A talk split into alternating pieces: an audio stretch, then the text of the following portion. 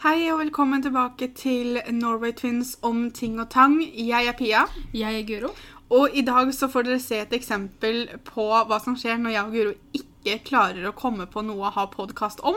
Så spør vi på Instagram Det var Guro som kom eh, opp med ideen, og egentlig så var det en ganske genial idé, spør du meg, da. Og det kan hende at vi gjør det flere ganger med andre bokstaver, eller så kan det hende at ideen dør ut her og nå. Men det vi har gjort, er at vi spurte på Instagram om å få temaer som begynner på G eller P, som da er forbokstavene våre.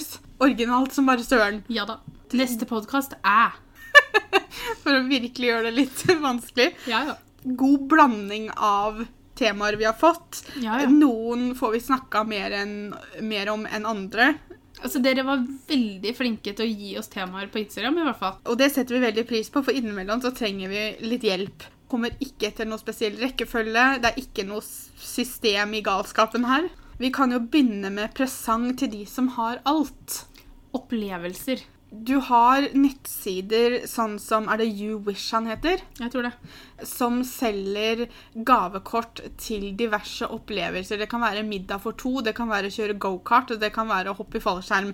Du får alt egentlig mellom himmel og jord, og i alle prisklasser. Jeg har vært inne der og sett flere ganger. Hver gang Petter har bursdag eller det er jul, så tenker jeg æ, hva skal jeg gi til han? Og da er jeg inne på den siden, for det fins også sånn som matopplevelser. Altså middager, vinsmaking, ølsmaking, omvisninger på steder og sånne ting. Du kan kjøpe til mer enn to personer. Du kan velge hvor mange personer du vil ha med. Det er noen ting som er minimum eh, fire, f.eks. Ja. Da er det jo veldig koselig å gi et gavekort for to, i hvert fall, da, sånn at personer slipper å gjøre dette alene. Eller Når- escape room. det også. Nå har jo det kommet i flere og flere byer.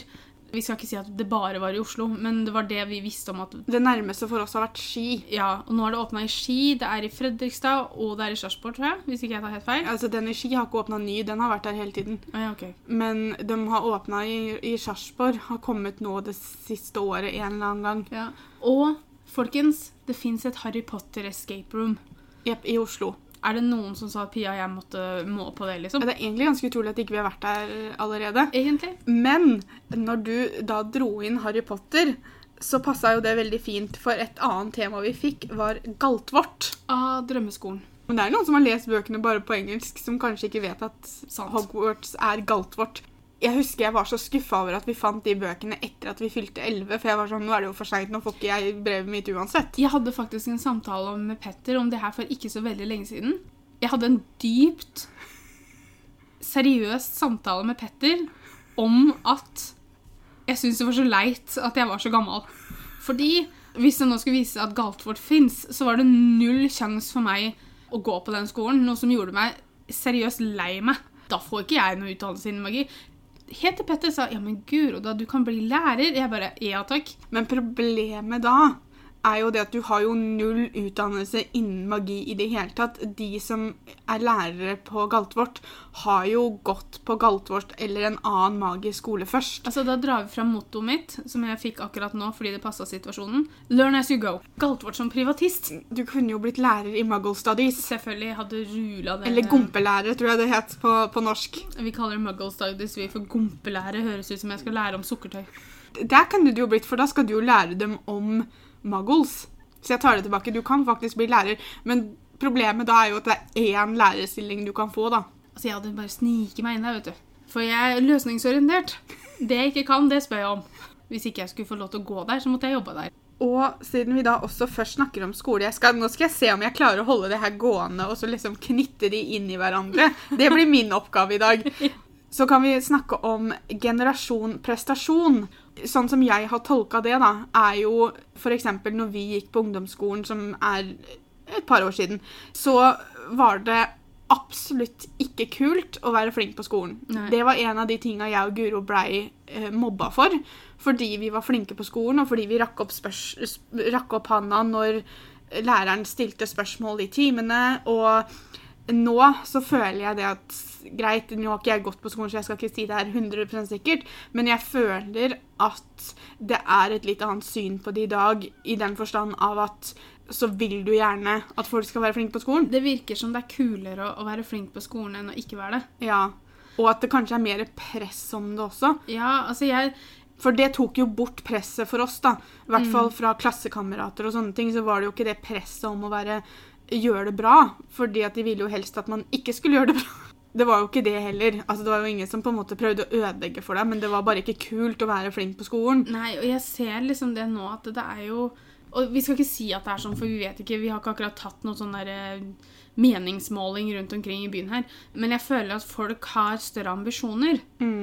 Folk setter karrieren høyere enn andre ting, f.eks. familie og sånne ting. De vil gjerne ha karriere først. Ja, for det sa legen min Husker ikke nå som vi kom inn på det, men hun fortalte det at i Oslo så er gjennomsnittsalderen for førstefødende damer oppimot 40. Fordi at man skal liksom ha etablert karrieren sin og sånn først, og så kommer det med å starte familie og sånn. Sånn var det jo ikke før. Det var jo mye lavere alder på Ja. damene når de fikk barn først. Fordi man fikk barn først, og så Sånn som når jeg gikk på lærerskolen, så hadde i klassen min så var det jo mange som på en måte var ferdig med barn, og de hadde liksom begynt på skolen sjøl, og mange av de jeg gikk i klasse til, var mellom 35 og 45, kanskje. Sånn var det når jeg gikk på høyskolen òg. Ikke nødvendigvis i klassen min, men du så det rundt omkring, spesielt på lærerlinja. Så så du det at det var veldig få som kom rett fra videregående, f.eks. Ja. Og de hadde jo da enten at de ikke helt visst hva de ville bli enda, så de hadde venta, men mange av dem hadde jo da barn først, og så karriere etterpå. Ja. Eh, og utdannelse, for den saks skyld. Og jeg tror nok at det har snudd veldig i dag. Ja, hvert år liksom sånn, når det begynner å nærme seg sommerferien, så ser man sånne avisoppslag om eh, elever som går ut med bare seksere. og Selvfølgelig så setter det et lite press på andre, da.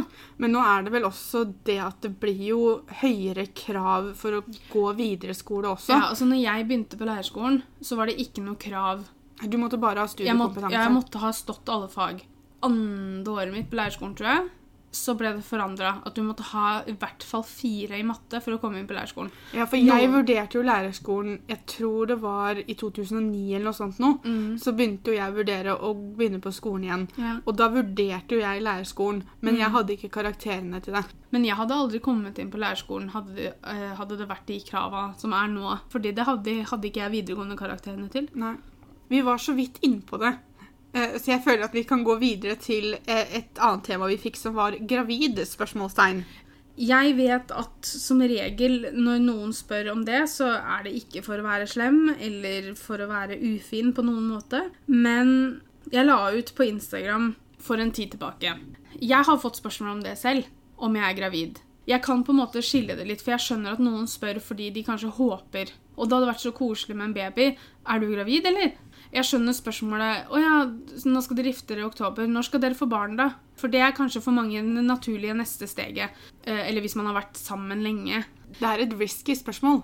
Ja, for det første, hvis ikke du er 100% sikker på om noen er gravide, hvis ikke de liksom går rundt med et sånt blinkende gravidskilt over huet, aldri spør en dame om de er gravid. Man vet aldri. Folk kommer i alle forskjellige fasonger og størrelser. Noen, når de legger på seg, legger på seg bare på magen. Noe som kan minne om en graviditet. Betyr ikke at de er gravide for det. Og da ved å spørre de ja, når er det du skal ha babyen, da? Den følelsen man får da Nå snakker jeg av erfaring. Er noe av den verste følelsen du får. Du, altså, du, da blir du litt sånn Herregud, jeg ser ut som jeg snart skal føde, liksom. Det er ikke noe koselig. Det er sikkert ikke en veldig fin følelse for de som har spurt heller, men for å være he helt ærlig, akkurat her har jeg ikke mye sympati. Nei, akkurat dem driter jeg i akkurat når det gjelder det her. Fordi at jeg vet jo det med meg sjøl, for jeg maser jo på deg nå.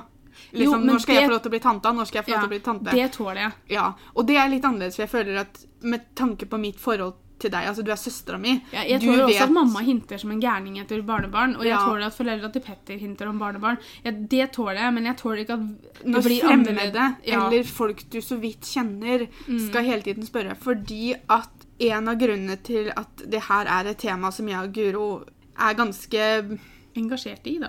Vi har venner, og vi har hatt kollegaer som har enten sliter med å bli gravide, eller fått beskjeden om at de kan ikke få barn. Og du vet aldri situasjonen til den du spør. Nå har ikke jeg fått den beskjeden, men hvis jeg hadde fått beskjeden om at vet du dessverre, du kan ikke bli gravid, Du kommer ikke til å kunne få barn. Og jeg hadde fått spørsmålet 'Når skal du ha barn?' eller 'Er du gravid?' Tenk bare på den smerten det vil påføre meg. Vi har sett hva ønsket om barn kan gjøre med noen. Fordi det var sterke mennesker det er snakk om, så de kom seg gjennom det. Det er ikke det det går på, men det går på å ikke påføre mer smerte til en situasjon som allerede er veldig vond. Ja, fordi at hvis du går og hele tiden tenker at jeg vil bli mamma, jeg vil bli pappa, vi vil bli foreldre, og så prøver man, og man prøver, og man går til legen for å få hjelp, og man ordner og styrer, og det skjer ikke. Til slutt så vil det begynne å tære på, og så vil sånne type spørsmål gjøre veldig, veldig vondt. Altså, det handler om å ta hensyn til hverandre rundt omkring i verden her. Vise hensyn og respekt, og ikke fly rundt og spørre random mennesker om de er gravide. Hvis ikke du kjenner personen, så er det faktisk ikke noe du har noe med, altså. Nei, altså til syvende og sist, den eneste som har noe med når noen skal ha barn, er de to som skal ha barn sammen. For du får heller ikke barn for noen andres skyld enn din egen. Nei. Og da må man få lov til å gjøre det i sitt eget tempo, og gjøre det når man selv er klar. Altså, nå tror jeg ikke man noen gang kommer til å være 100% klar til å få barn, men, Nei, men man må i hvert fall føle at man er et sted i livet der Ja, vet du hva, nå pa passer det. Ja. Går du rundt og lurer på om noen er gravide, gjør deg selv den tjenesten, og hold kjeft om det. Ikke spør. Vent til personen forteller deg det eventuelt. Eh, Spørsmålet om man er gravid, er jo litt sånn på grensen. Ja. Og da kan vi gå over til neste tema vi fikk, og det var på grensen. Aha. Du hadde vel forklart litt videre med at det var svenskehandel. Ja. Men jeg og Guro tenkte også at vi skulle legge inn vår egen lille vri her, og snakke om ting man føler er litt på grensen. En ting som kan være på grensen, er humor. Mange sin humor er ganske på grensen. Nesten, altså Stortåa er utafor grensa. Og så er det forskjell på For jeg sier det hele tiden med det at f.eks. veldig sånn humor om sex, promp, tiss Altså sånn type, humor humor er ikke min type humor. Men jeg kan ikke sitte og si at det er en på grensen-humor. For selv om Nei. jeg ikke syns det er morsomt, så kan ikke jeg si at det, er, å, det var på grensen. Men det er humor som fins på grensen, og det er Jeg syns jeg kanskje ser det mest hos standup-komikere. Veldig mange standup-komikere har nå begynt å ta opp viktige temaer som de legger humor i. Og det, det er helt greit. Fordi at det, for det første så er det en måte å få folk til å høre etter. Fordi du kan le av det samtidig. Donald Trump, for eksempel, han får gjennomgå nå. Men de får også opplyst om hvorfor han ikke må bli gjenvalgt. Og så er det mange som har humor som er litt sånn på grensen til rasisme. Ja. Men så er det sånn ha-ha, det er ment som humor. ikke sant? Og det også Jeg føler også at det er veldig mange som gjemmer seg bak humor når det gjelder det å fornærme noen. Du kan fornærme noen, og så, si, og så le, pakker man det inn i en setting som gjør at nei, men det er bare tull, det er bare humor, det er bare gøy. Men de der skjulte fornærmelsene Ja, og du ser jo det nå at ting kommer jo litt tilbake og, og, og biter dem i ræva innimellom. For eksempel Kevin Hart, da. Og det her er jo snakk om for ti år siden. En spøk om hva han hadde gjort om sønnen hans var homofil, som ikke er grei. Den, den var langt over grensa, spør Ja. du meg. Fordi at for det første så gikk det på liksom at det skulle være så veldig ille om sønnen hans var homofil, og så var det liksom at han skulle slå til i tillegg. Så det var liksom vold mot barn Ja. i, i samme slengen. Noe konsekvenser syns jeg det er greit at det får, når han viser at dette er ikke den personen jeg er lenger. Dette er eh, en spøk jeg tok for ti år siden som virkelig ikke var riktig. Han har unnskyldt seg for den tidligere også. Så syns jeg folk dro den litt grann langt innimellom. Ja, altså man må se an situasjonen. Man må se, se han når. Altså, Ja. altså, det er bare sånn, Hvis du sitter, setter deg ned og ser på Friends i dag Det er mange av spøkene der også som ikke hadde vært, blitt godt tatt imot i dag. Nei, det Ikke sant? Og Friends det, er, det slutta for 15 år siden. ikke sant? Ja. Folk tenkte ikke like mye på hvor viktig det er å ikke spøke om visse ting da, eh, før som det de gjør nå. Og det er en helt riktig utvikling. Men skal man liksom gå etter skuespillerne i Friends da, og de som skrev Friends og sier at 'herregud', øh, ikke sant? Ja, for det er litt grann det å ta folk på hva de gjør i dag. For det er i dag det er uakseptabelt. Jeg Men- sier ikke at det var akseptabelt for ti år siden, men det var en annen toleranse for det da enn det Mm. er i dag. Og visse ting skal man slå hardt ned på uansett når det skjedde. Mm. Ikke sant? Altså, rasisme, aldri greit. Eh, diskriminering, aldri greit. Nei. Vold eller noen form for mishandling, aldri greit. Ikke sant? Altså, det er visse ting som aldri er greit, som du kan gå 100 år tilbake i tid og si 'unnskyld meg, men hvorfor svarte gjorde du det her?' Men det er en sånn fin påminnelse om at man skal huske på det at det som ligger på nettet, det ligger der. Ja.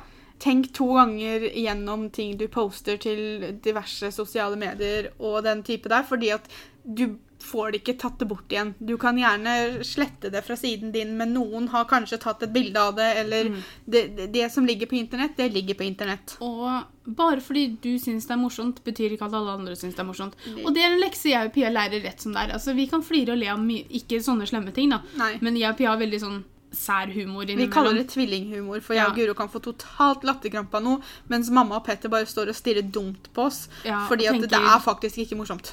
Nei. Vi går fra på grensen til noe som jeg syns er på grensen, og det er Paradise Hotel. Oi. Paradise Hotel føler jeg er over grensen, men det er kanskje bare Men det er fordi at, nei, jeg, jeg sier at det er på grensen fordi at det her er et klassisk eksempel på at min mening matcher ikke det showet. Nei. Men det betyr ikke at jeg skal sitte og si at det showet er ræva, det bør aldri sendes på TV igjen. Syns jeg de sender de rette signalene til unge mennesker, eller gamle mennesker for den saks skyld? Nei. Men det er min mening. Jeg kan ikke slå det over en kam fordi at jeg ikke syns noe om det. Hver sin smak. Jeg bare Det må da finnes mer underholdende som også gir deg noe. Ting å sende på TV. Sånn som Paradise Hotel og Love Island og Ex on the Beach eller hva det heter for noe. Det er sånne ting som kunne vært fint å sende bare på disse streaming-appene og sånn. Send noe annet på hverdagen på TV3, liksom. For jeg husker noe av det vi fikk mest spørsmål om i førsten, var om vi så på Paradise Hotel, om vi kunne se på Paradise Hotel, om vi kunne ha reaction-videoer til Paradise Hotel. Altså Det var så mye Paradise Hotel-spørsmål så jeg ble helt svett. Og det var jo som regel da fra folk som var sånn 14 år eller noe sånt. Og sorry at jeg sier det, men når du er 14 år, så har du ikke noe å se på Paradise Hotel for, altså. Jeg syns ikke det er helt programmet for unge mennesker, men igjen, det er min mening, så Ja, jeg skal ikke selvfølgelig. Jeg også sier bare min mening. Altså Folk må få lov til å se på det så mye de vil. Jeg husker ikke når det var Jeg lurer på om det var på en Instagram live en gang. Mm. Så fikk vi spørsmål om vi hadde uh, hatt lyst Om vi ikke vi kunne melde oss på Paradise Hotel. Ja. Og da føler jeg det at for det første, da har du ikke sett på programmet. Altså, jeg og Pia har ikke noe der å gjøre. for vi hadde jo aldri Vi hadde jo ikke blitt tatt inn til intervju engang. Pluss at det her har vi snakka om flere ganger med angående sånn reality-program og sånn, for jeg er ikke lagd til å være med på å spille sånne spill, fordi at jeg har ikke samvittighet til det. Så jeg har ikke samvittighet til å spille dobbeltspill. Er det ett sted du må gjøre det, så er det på Paradise Hotel. Ja. Jeg hadde sittet ikke, ikke drikker jeg så veldig mye alkohol heller. Ikke fordi jeg er rundt i bikini og ikke hadde jeg hatt sex på TV. Så, så jeg føler på en måte Hva hadde jeg hatt der å gjøre? For å si sånn, Hvor mange av dem er det ikke som har sagt at de ikke skal ha sex på TV, da, og så går det to uker, og så Jo da, men jeg, jeg hadde jo ikke pumper dynene av gårde? Jeg hadde vært hun som hadde meldt meg frivillig til å gå ut hver gang. jeg vet du. Første parseremoni, Pia. Ingen velger meg, jeg går. Jeg har en overgang her også, men jeg føler at han blir litt slem, så dere må bare tilgi meg, for vi går videre til porno. Ok. ja, men det var jo snakk om sex på TV, da. Ja, Hvordan vi skal komme oss videre fra porno, den blir verre. Jeg vet at mange syns det å se på porno er det samme som å være utro. Kanskje ikke mange, Ja. men noen. Jeg har hatt ekser som har følt det. Ja. No offense til dine ekser, men altså, det å se på porno, det er ikke å være utro. Det er som å si at hvis en, en mann onanerer, så er han utro, liksom. Jeg merker at jeg har ikke veldig mange meninger om akkurat det med porno. Er det for meg? Eh, nei. Det eneste jeg vil si, er at det gir jo ikke et realistisk bilde om hva Sex sex er. Jeg har sett porno, skal være første til å innrømme det. Det har jeg gjort òg, Ja. men, men det er Men jeg kan også innrømme at jeg har aldri hatt sex som på en porno. I en porno. Jeg har aldri hatt pornosex. Det virker bare slitsomt, spør meg. Det er veldig sant det du sa der, at det gir et veldig urealistisk syn på hva sex er, og hva det skal være. Mm. Sitter du der som 14 år og ikke har hatt sex ennå, og så ser du på en pornofilm, så kommer du til å få deg en overraskelse når du skal begynne å ha sex, liksom. Jeg kunne aldri hatt sex med en fremmed. Jeg måtte blitt kjent med en person før jeg kunne hatt sex med dem. Pornosex er så, uf det er så uføls... Altså, det er, det er ikke noen følelser der, unntatt liksom nytelse. Nei, en, Og en annen ting det gir et veldig urealistisk syns, syn på. da. Og jeg sier ikke at det er sånn for alle, men mange, mange, mange, mange damer får ikke orgasme av vanlig samleie. La oss kalle det samleie. Jeg tror vi har sagt sex veldig mange ganger. Det er ikke det beste kvinnesynet i disse greiene. eller? Nei, altså Det er liksom to jokk, og så er, Åh! ikke sant? Og så er det liksom heaven med en gang. Altså, Sånn er ikke realiteten i det hele tatt. Bare sånn hashtag Pia rødmer. Ja, Eh, det er ikke et veldig bra tema. Ja, men altså, det, det, igjen da, Når vi snakker om urealistiske syn, så er jo det også det. Ja. Altså, Gutta skal liksom mling, mling, og så er det liksom oh, heaven. Det går ikke. Det er ikke noe for meg. Folk som ser på det samme kjæresten sin og sånn. Det kan være spennende. Hva? Nei. Jo. Nei. Altså, Du er klar over at mannen på TV er ikke kjæresten din. Det Dama på TV TV er ikke deg. det hadde bare vært flaut. Nei, det, Jeg skjønner at det kan være spennende for noen. Og det er ikke sånn 'Å, la oss lære noe', men det er for å komme i stemninga og humøret, liksom. Jeg hadde ikke klart å hatt samleie mens pornoen ringa i huet mitt, liksom. For at altså, stønner hun, så stønner ikke jeg, og så blir det litt kleint. Ok. Jeg har et, eh, en åssen vi kan komme videre, hvis ikke du har funnet noe åssen vi kan komme videre fra pornoen. Pia. Jeg hadde tenkt å gå videre til grøssere. Jeg hadde tenkt, puberteten er bedre. Jeg tror det er bedre, ja. For puberteten var noe av det vi fikk flest tips om, eller forslag om. Mm. Eh, Og da har jo jeg gått inn på det store medisinske leksikon. Ja. For jeg tenkte jeg skulle lese. Visste du ikke hva det var? Jo da, men jeg tenkte vi kunne lese sammen hva puberteten er. La oss gjøre det. Ja. Pubertet, kjønnsmodning, er overgangstiden mellom barndom og kjønnsmoden alder. I løpet av denne perioden blir kjønnskjertlene, dvs. Si eggstokkene hos jentene og testiklene hos guttene, fullt funksjonsdyktige og begynner å produsere kjønnshormoner og etter hvert kjønnsceller. Samtidig utvikles de øvrige kroppslige trekk som er karakteristiske for henholdsvis kvinne og mann, såkalte sekundære kjønnskarakterer, altså pupper. Ikke kom her og si at ikke dere lærer noe av podkasten vår, i hvert fall. Knowledge. 95% av alle barn kommer, får de første tegna mellom 9 og 14 år. Husker du hvor gammel du var når du fikk mensen? Nei, Ikke jeg vet vi bodde i Bindveien. Og vi flytta derfra da jeg var 16. Så hva før 16? Var vi ikke litt seint ute? I førsten når jeg hadde mensen, så fikk jo jeg så å si influensa hver gang jeg skulle ha mensen. Jeg fikk feber og sånn. Så jeg hadde, det var derfor jeg var hjemme, jeg var hjemme fra skolen. For jeg hadde feber og sånn, som tydeligvis da var min versjon av PMS. Og så fikk jeg mensen, og så ringte jeg mamma på jobben og sa 'Mamma, mamma, jeg blør'. Og så fortalte mamma det til hun som hun jobba sammen med. da. Hun bare 'Reidun, Guro har fått mensen'. Jeg bare Yay. Det er ikke flere du har lyst til å ringe og si det til? Avisa, eksempel. 13-14 Ja, jeg lurer på om det var Greie? litt her. Altså. Jeg tror ikke vi var noe yngre noe særlig yngre enn det. Nei. For når er det vi flytta til Bindeveiene? Første året på ungdomsskolen. Så altså 14? Eh, 99. Ja, da var vi 14.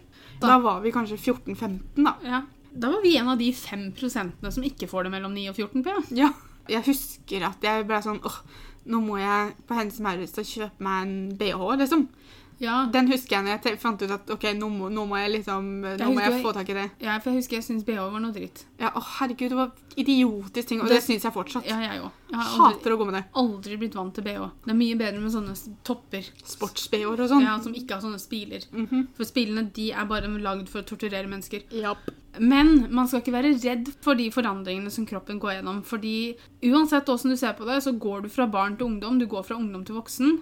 Altså, Mamma har alltid vært veldig flink til å snakke med oss om forskjellige ting. Mm. De gangene hun ikke fikk snakka med oss om ting, var fordi vi på en måte satte en stopper og tenkte du vet hva, nei, ellers takk, den samtalen her vil ikke være med på. Ja, for hun hadde vel vist oss det med bind og sånn før vi fikk mensen. Ja, kunne jeg gått tilbake og gjort det en gang til, så ville jeg nok latt mamma ha den samtalen med meg litt grundigere. Ja, for vi hadde den boka. Husker du den boka som het Mensen? Som vi lånte på biblioteket eller noe. Ja. Som vi så å si Vi var så flaue når vi skulle låne den fordi Mm. at uff a meg, vi skulle lese om mensen og greier. Og der sto det jo Det var litt sånn som den Kroppen-boka av Trond-Viggo Torgersen, eller hva han het for noe. Som, den tok deg liksom gjennom forandringene og hva mensen var og ja. Og jeg tror jeg hadde hatt bedre av å få det fra mamma Ja. enn en bok. Så hvis det er Nå merker jeg også det med tanke på noen av de andre temaene vi har hatt, at jeg håper ikke at det er for unge mennesker som sitter og hører på, men snakk med mammaen din, eller en dame du, du føler du kan snakke med om det. Ja, Eller snakke med ungene dine hvis det er det at du sitter på den enden at du er foreldre. Mm, og nærmer deg puberteten. Så. Ja, Og pubertetstida kan jo være hormonell og følsom Ja, og og, det er- hektisk. Kroppen går jo gjennom mye forandringer, og det Mm. kan være ganske skremmende. Jeg vet med meg at hvis jeg får, Uansett om jeg får en datter eller en sønn en dag, vil jo jeg være en sånn mor som mamma var til oss.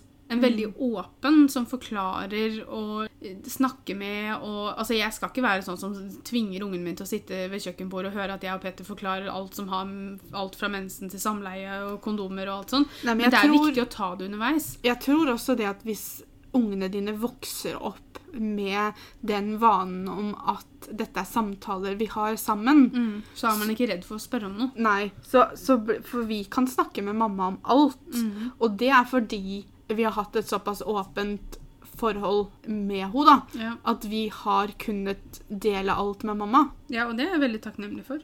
For jeg vet jo bare det at å ha en samtale som kunne forberede deg på hva PMS er. Og det tror jeg mamma hadde gjort lite grann, men PMS er jo også veldig noe som Det, det er så individuelt. Ja. Alle opplever det veldig forskjellig. Jeg har ikke noe særlig PMS nå, men jeg hadde det veldig da jeg var yngre. Jeg har det veldig nå, men ikke hadde det ikke noe særlig annet enn det at jeg fikk feber hver gang jeg skulle ha mensen. Nei, jeg er mer sånn nå at hvis jeg får mensen nå, så blir jeg sånn skjesete, som mamma kaller det. At jeg får lyst på alt mellom himmel og jord. Jeg får lyst på alt av fastfood og godteri. Åh, jeg får så lyst på alt mulig rart. Det har jeg faktisk ikke. Jo, sånn er jeg. Da vet jeg, Når jeg begynner sånn, når jeg, ikke, når jeg blir sånn løpet en halvtime jeg har vært og titta i skapet tre ganger om jeg har et eller annet, da blir jeg sånn OK, nå skal jeg ha mensen snart. Men nå får jo ikke jeg mensen så ofte da pga. PCOS-en. Som vi har en podkast om, hvis dere har lyst til å høre. Men da kan vi jo eh, hoppe over til et annet tema, som var godteri. Har du favorittgodteri? Mm, ja, jeg tror Jo, ja, jeg tror det.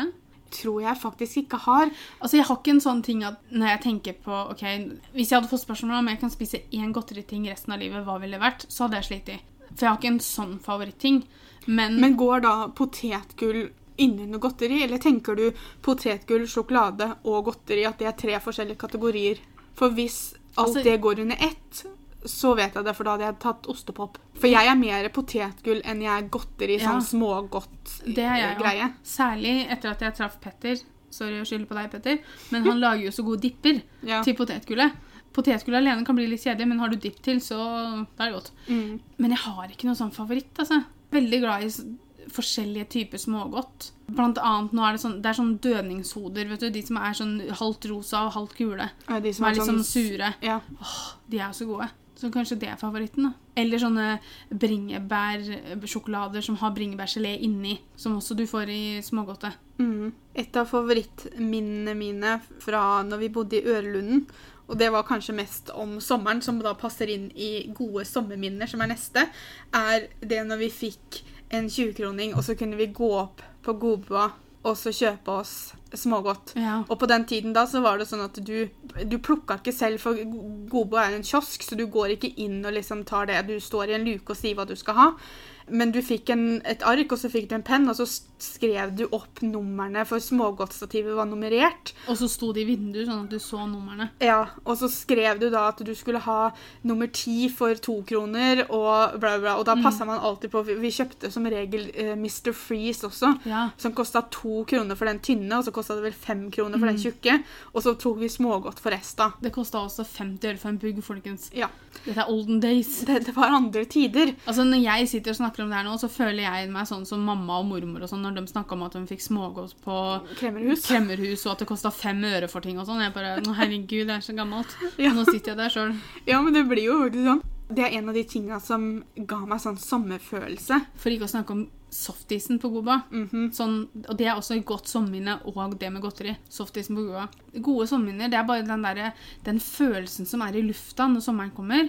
Du er ute lenge om kvelden, du, altså det er lenge lyst. Og det morsomme er at når jeg tenker på sommerminner, så tenker jeg på tida i Ørelunden. Blant annet det at jeg har veldig klare minner i hodet om at jeg våkna på morgenen om sommeren av at måkene drev og skreik utafor vinduet. Og det var en sånn derre åh, nå er det sommer. Og så var det litt ekstra deilig om sommeren, for da kunne jeg bare snu meg rundt og sove litt til, da, for at de hadde med å begynne det litt tidlig.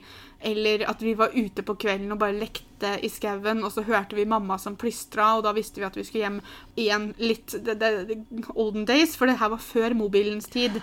Vi hadde ikke mobil, eh, så når mamma skulle ha meg og Guro inn, så sto hun i døra hjemme, og så plystra hun. Mamma har noe volum på plystringa si som ikke ligner grisen. Og hun sto hjemme og plystra, og hvis vi var for langt unna til å høre henne, så gikk det helt seriøst sånn jungeltelegraf. Det blei spredd sånn at noen som hørte plystringa, passa på at de sa ifra til noen andre, og til slutt så kom beskjeden fram til oss om at vi hørte mammaen deres plystre, og da var det bare å sette nesa hjemover, for da skulle vi hjem. Og som regel så var det for at vi skulle kle på oss fordi mamma var kald. Ja. Kom og kle på dere, mamma fryser. Et annet godt sommerminne, som jeg ikke har hatt på mange, mange år nå, er det å ha skoleferie.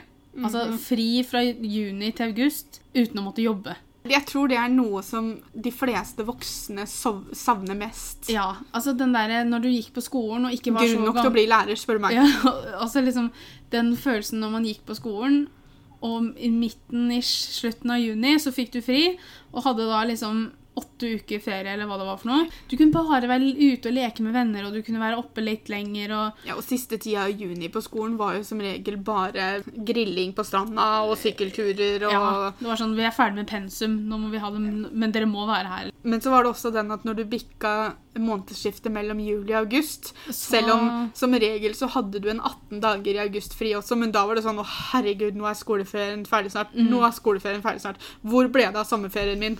Og så er det jo alle feriene vi har vært på, da. Vi, Vi, jo vært starta jo sommeren hvert år med uh, tur til Danmark sammen med naboene våre i Ørlunden. mm, feriehus i Danmark. Jeg elsker den type ferie. Og så var vi jo mye på hytta i Hornsjø. Ja, Vi bodde jo der som regel sammen med mormor og bestefar. Hvis mamma og pappa ikke skulle være der, så var vi bare med mormor og bestefar. Det var liksom 20 minutter å kjøre, så det var, Ja.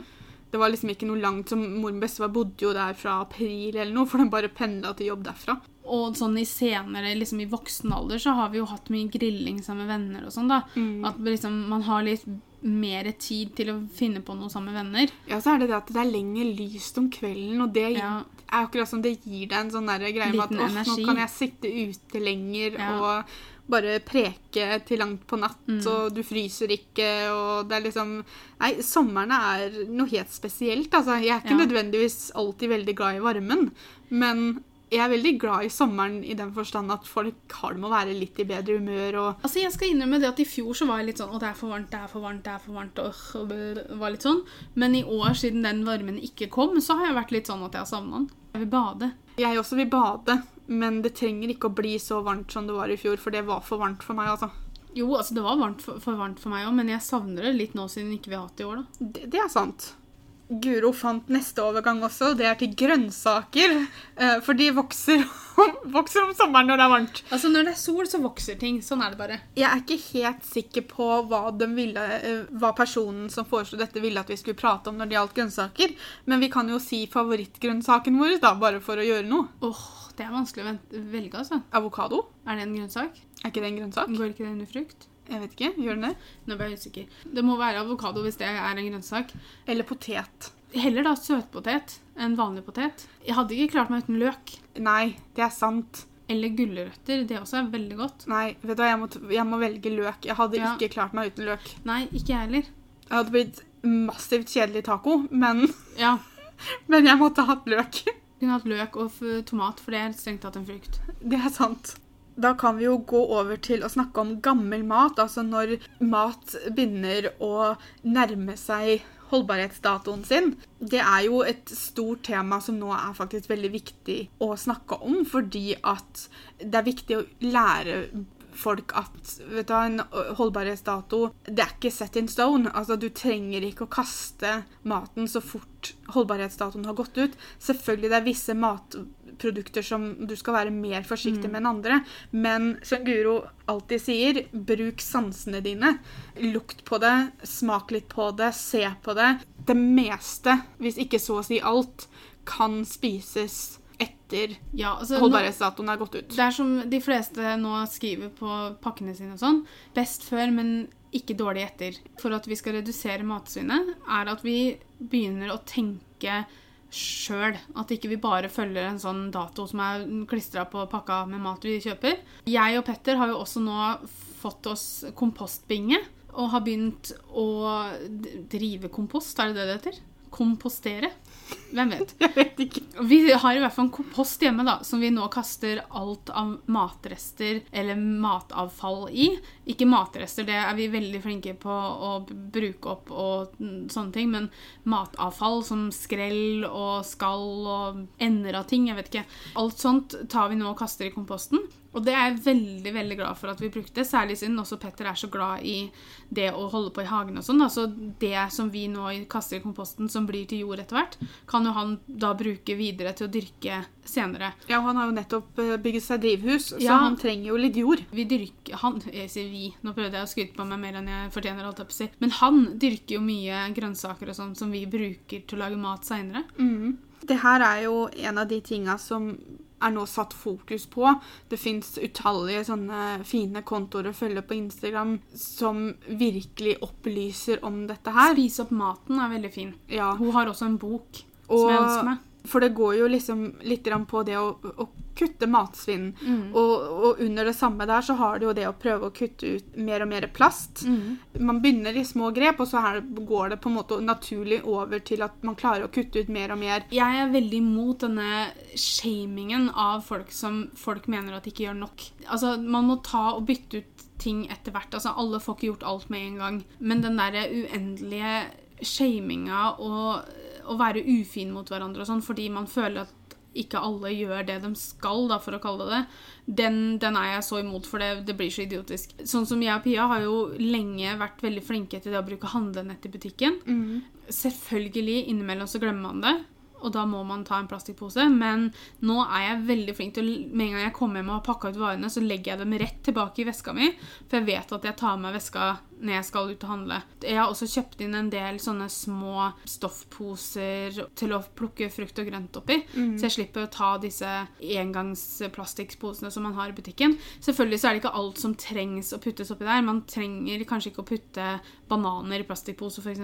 Nei, og Hvis man skal ha én paprika, så pleier ikke jeg å putte det i en plastikkpose. Det er liksom noen som jeg nå har kutta, kutta ut. Du ser jo det også litt rundt omkring i butikken også, for det er jo noe frukt og grønnsaker du ikke får kjøpt uten plastikk. For det ser du mye i den debatten her, er det at folk legger ut bilder på Instagram og sånn er sånn Å, hvorfor pakkes dette i plast? Og for en som jobber i butikk, da, så må man jo se på to saker her.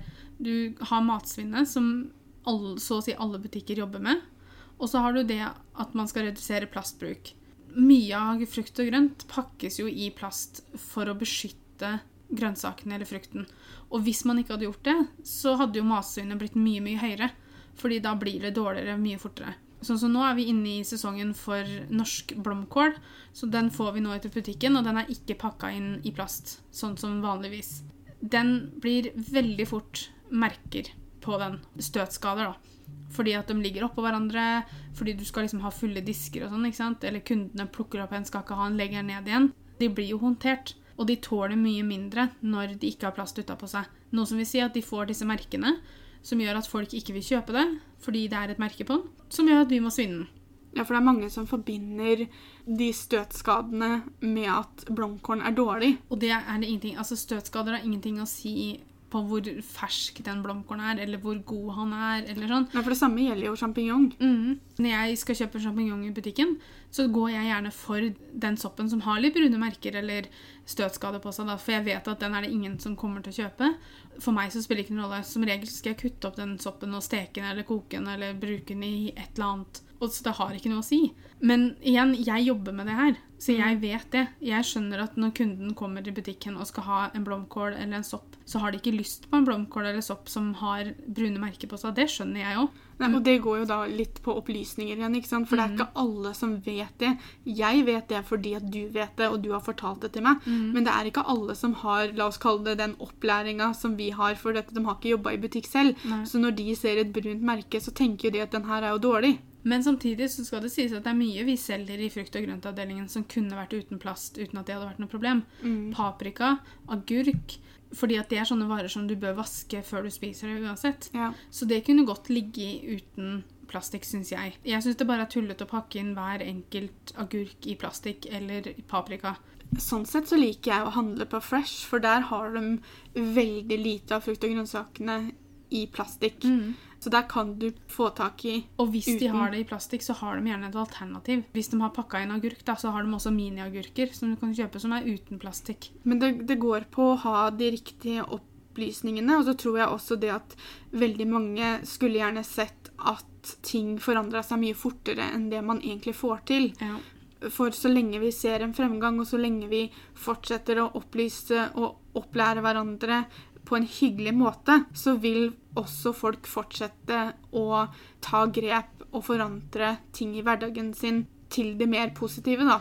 En ting som hjelper veldig mye da, på dette med plastikk i naturen, og sånn, er jo å slutte å kaste fra seg plastikk i naturen. Ja. Jeg sier ikke at all plastikken som er i naturen, er fordi at noen har kasta det fra seg, men mye av det er det. Så har du jo den hashtaggen 'fem for hvalen', som er sånn at du skal plukke fem ting som ikke hører til Eller mer, da. For guds skyld, ikke stopp ved fem hvis du finner mer. Eh, At du skal i hvert fall tråkke- plukke opp fem ting da, som ikke hører til i naturen når du Ja. vet du går tur og sånn. For det er jo en hyggelig leveregel å ha da, at hvis du skal ut og gå tur i skogen, ta med deg noe sånn at hvis du kommer over noe søppel som ikke skal være der, så plukk det opp og ta det med deg hjem og kast det i riktig kildesortering. Ja.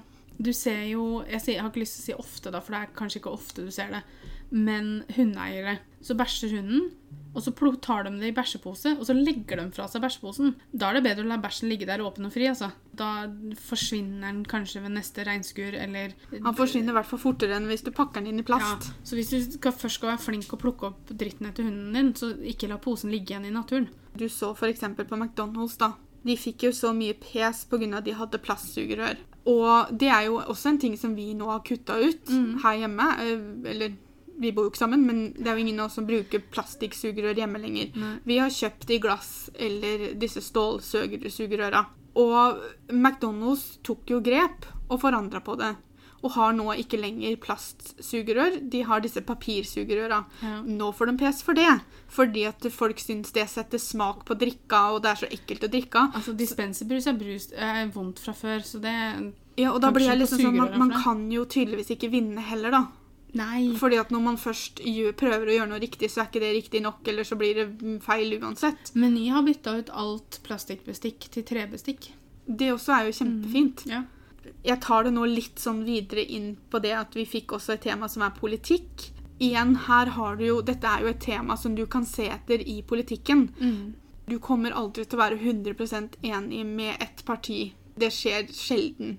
Men velg det partiet som står for mest av det samme som deg. ja. Finn ut hva du brenner for, finn ut hvilke temaer du syns er viktigst, og så må du faktisk bare lese deg opp på hva de forskjellige partiene står for, og hva de jobber for, og hva slags saker du kan finne igjen hos dem. Og så må du velge ut ifra det. Det er viktig å bruke stemmeretten sin. Mm. Spesielt hvis du på en måte skal ha en mening om politikk og dagens regjering og sånne ting. Du så kan ikke sitte og klage hvis ikke du har stemt. Si sånn. Du kan ikke si at jeg, jeg ville ikke at de skulle vinne hvis ikke du har stemt imot dem. det er veldig lett å tenke at min ene stemme teller ikke noe uansett, men da har du i hvert fall gjort ditt. Mer enn, du kan ikke gi mer enn én stemme, men da har du gitt den ene stemmen, og da har du gjort ditt. Og så er det også veldig viktig å vite, eller huske på det, at du er ikke forplikta til å si til noen hva du stemmer. Det er gjerne spørsmålet jeg og Pia får når vi får spørsmål om politikk, er hva, hvilket parti vi stemmer, hva vi stemmer. Det er en veldig privat sak, egentlig. Det er en grunn til at du står i en bås for deg selv Ja. eh, når du stemmer. Det går egentlig ikke noe på at For jeg har ikke noe imot å si hva jeg stemmer, jeg men av prinsipp så skal jeg heller ikke ligge, sitte her og legge ut om det, fordi at det er faktisk ingen andre som har noe med det enn meg. Er regjeringa vi har nå, valgt av oss? Nei. Innimellom så vinner man, andre ganger taper man. Men vi bruker stemmeretten vår, i hvert fall. Fordi vi har skjønt hvor viktig det er. Men det innså jeg først når jeg ble sånn ordentlig voksen. Som jeg sier nå at jeg er i en alder av 34. Jeg stemte når jeg var 18. Det- Det var vel valgåret vi ble 18, tror jeg. Ja, det tror jeg også. For da stemte jeg, for det var sånn åh, første gang. Og så skal jeg være så ærlig og si det at så stemte jeg ikke på mange år. Nei, ikke heller. Eh, og så er det som Guro sier, at når man kommer opp i det man kaller en voksen alder, så innså jeg det at jeg kan ikke bare sitte på rumpa og ha en mening om ting hvis ikke jeg gjør noe med det. Nei. Så da må jeg faktisk stemme. En annen ting ingen har noen ting med, er eh, hva du har av penger. Penger var et av temaene vi fikk, og det er det temaet vi har tenkt å avslutte podkasten på. Fordi folk virker som er fryktelig opptatt hva alle andre har av penger. Hvor mye tjener du i måneden? Hvor mye penger har du på kontoen? Hvor mye penger kosta den? Har du penger til den? Hvorfor bruker du penger på det? Kan du virkelig bruke penger på det når du ikke bruker penger på sånn? Altså, det er så mye formeninger om hva man gjør med sin egen økonomi, at jeg blir helt snurrerusk og svett. Og det er faktisk ikke noe man har noe med. Jeg syns faktisk det er igjen på grensen til frekt å skulle begynne å legge seg opp i økonomien til andre. Jeg ser ikke noe grunn til å skulle spørre noen om noe sånt noe i det hele tatt. Det er på en måte noe annet å ha en samtale om det med folk, altså med samboeren din, kjæresten din, mannen din, med mennesker som faktisk har noe med det, da. Jeg er super ukomfortabel med å snakke om penger. Jeg tror det er et av de få temaene som jeg absolutt ikke liker å snakke om. Fordi jeg syns det er veldig privat. Ja, for det, det, går ikke så mye om at jeg må snakke om det, men jeg liker ikke å høre at Hvorfor skal andre måtte fortelle meg om det? Visse selskaper jeg er i, er veldig sånn fokusert på penger. Og da blir jeg fryktelig ukomfortabel. Jeg syns ikke det er noe hyggelig i det hele tatt. Syns jeg da. Så derfor sier jeg skjønner ikke de bloggerne og youtuberne og sånt som er veldig sånn Så mye tjener jeg i måneden på YouTube. Så mye penger tjener jeg på bloggen. Eh, og legger ut til de vide breie om hvor mye de tjener i måneden og sånn.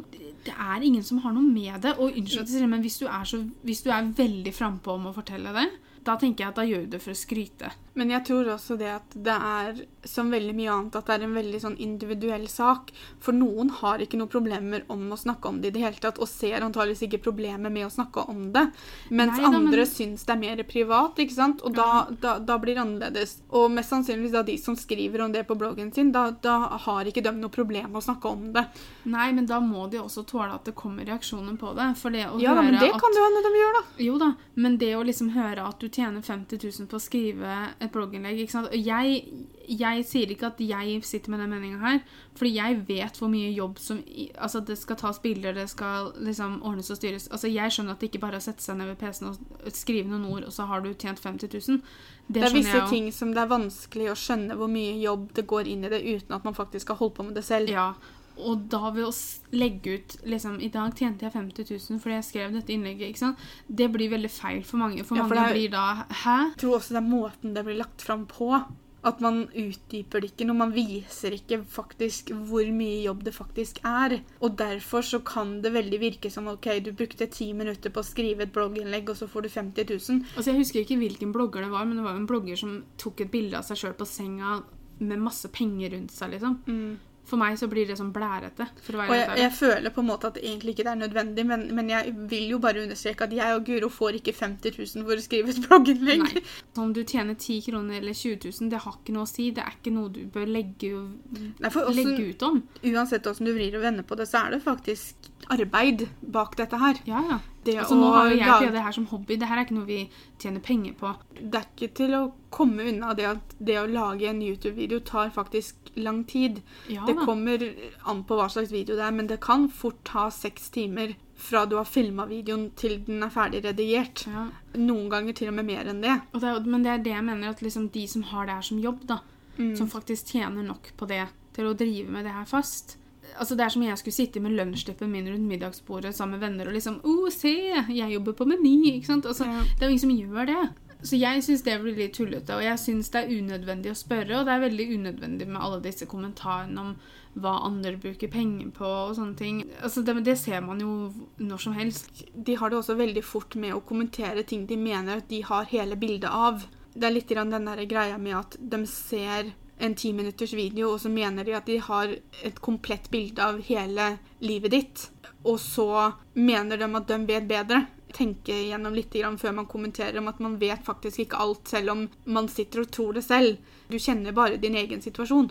Og der føler vi at vi avslutter. Vi har fått eh, flere temaer, men nå har vi snakka såpass lenge at jeg tror det hadde blitt litt for mye av det gode hvis vi skulle tatt med noen særlig flere nå. Så Gi oss gjerne tilbakemeldinger på Snapchat eller på Instagram eller noe sånt hvis det her var en eh, podkast dere syns var ålreit. Mm. At vi gjør det på sånn måte at vi tar bokstavbestemte temaer isteden. Ja, at kanskje det her er noe vi kan gjøre innimellom For det, det var jo faktisk litt morsomt å sitte og prate om litt mye forskjellig, og så syns jeg klapp meg selv på skulderen at jeg gjorde en grei jobb med å klare å knytte alt sammen inn i Ja, hverandre. veldig bra, Pia. Den storytelleren, vet du. Det, jeg var flink der. Men vi takker for at dere har tilbrakt litt tid sammen med oss i dag. Håper dere har en fortsatt fin dag. Det kommer en ny podkastepisode neste søndag, og så ses vi. Ha det! Ha det.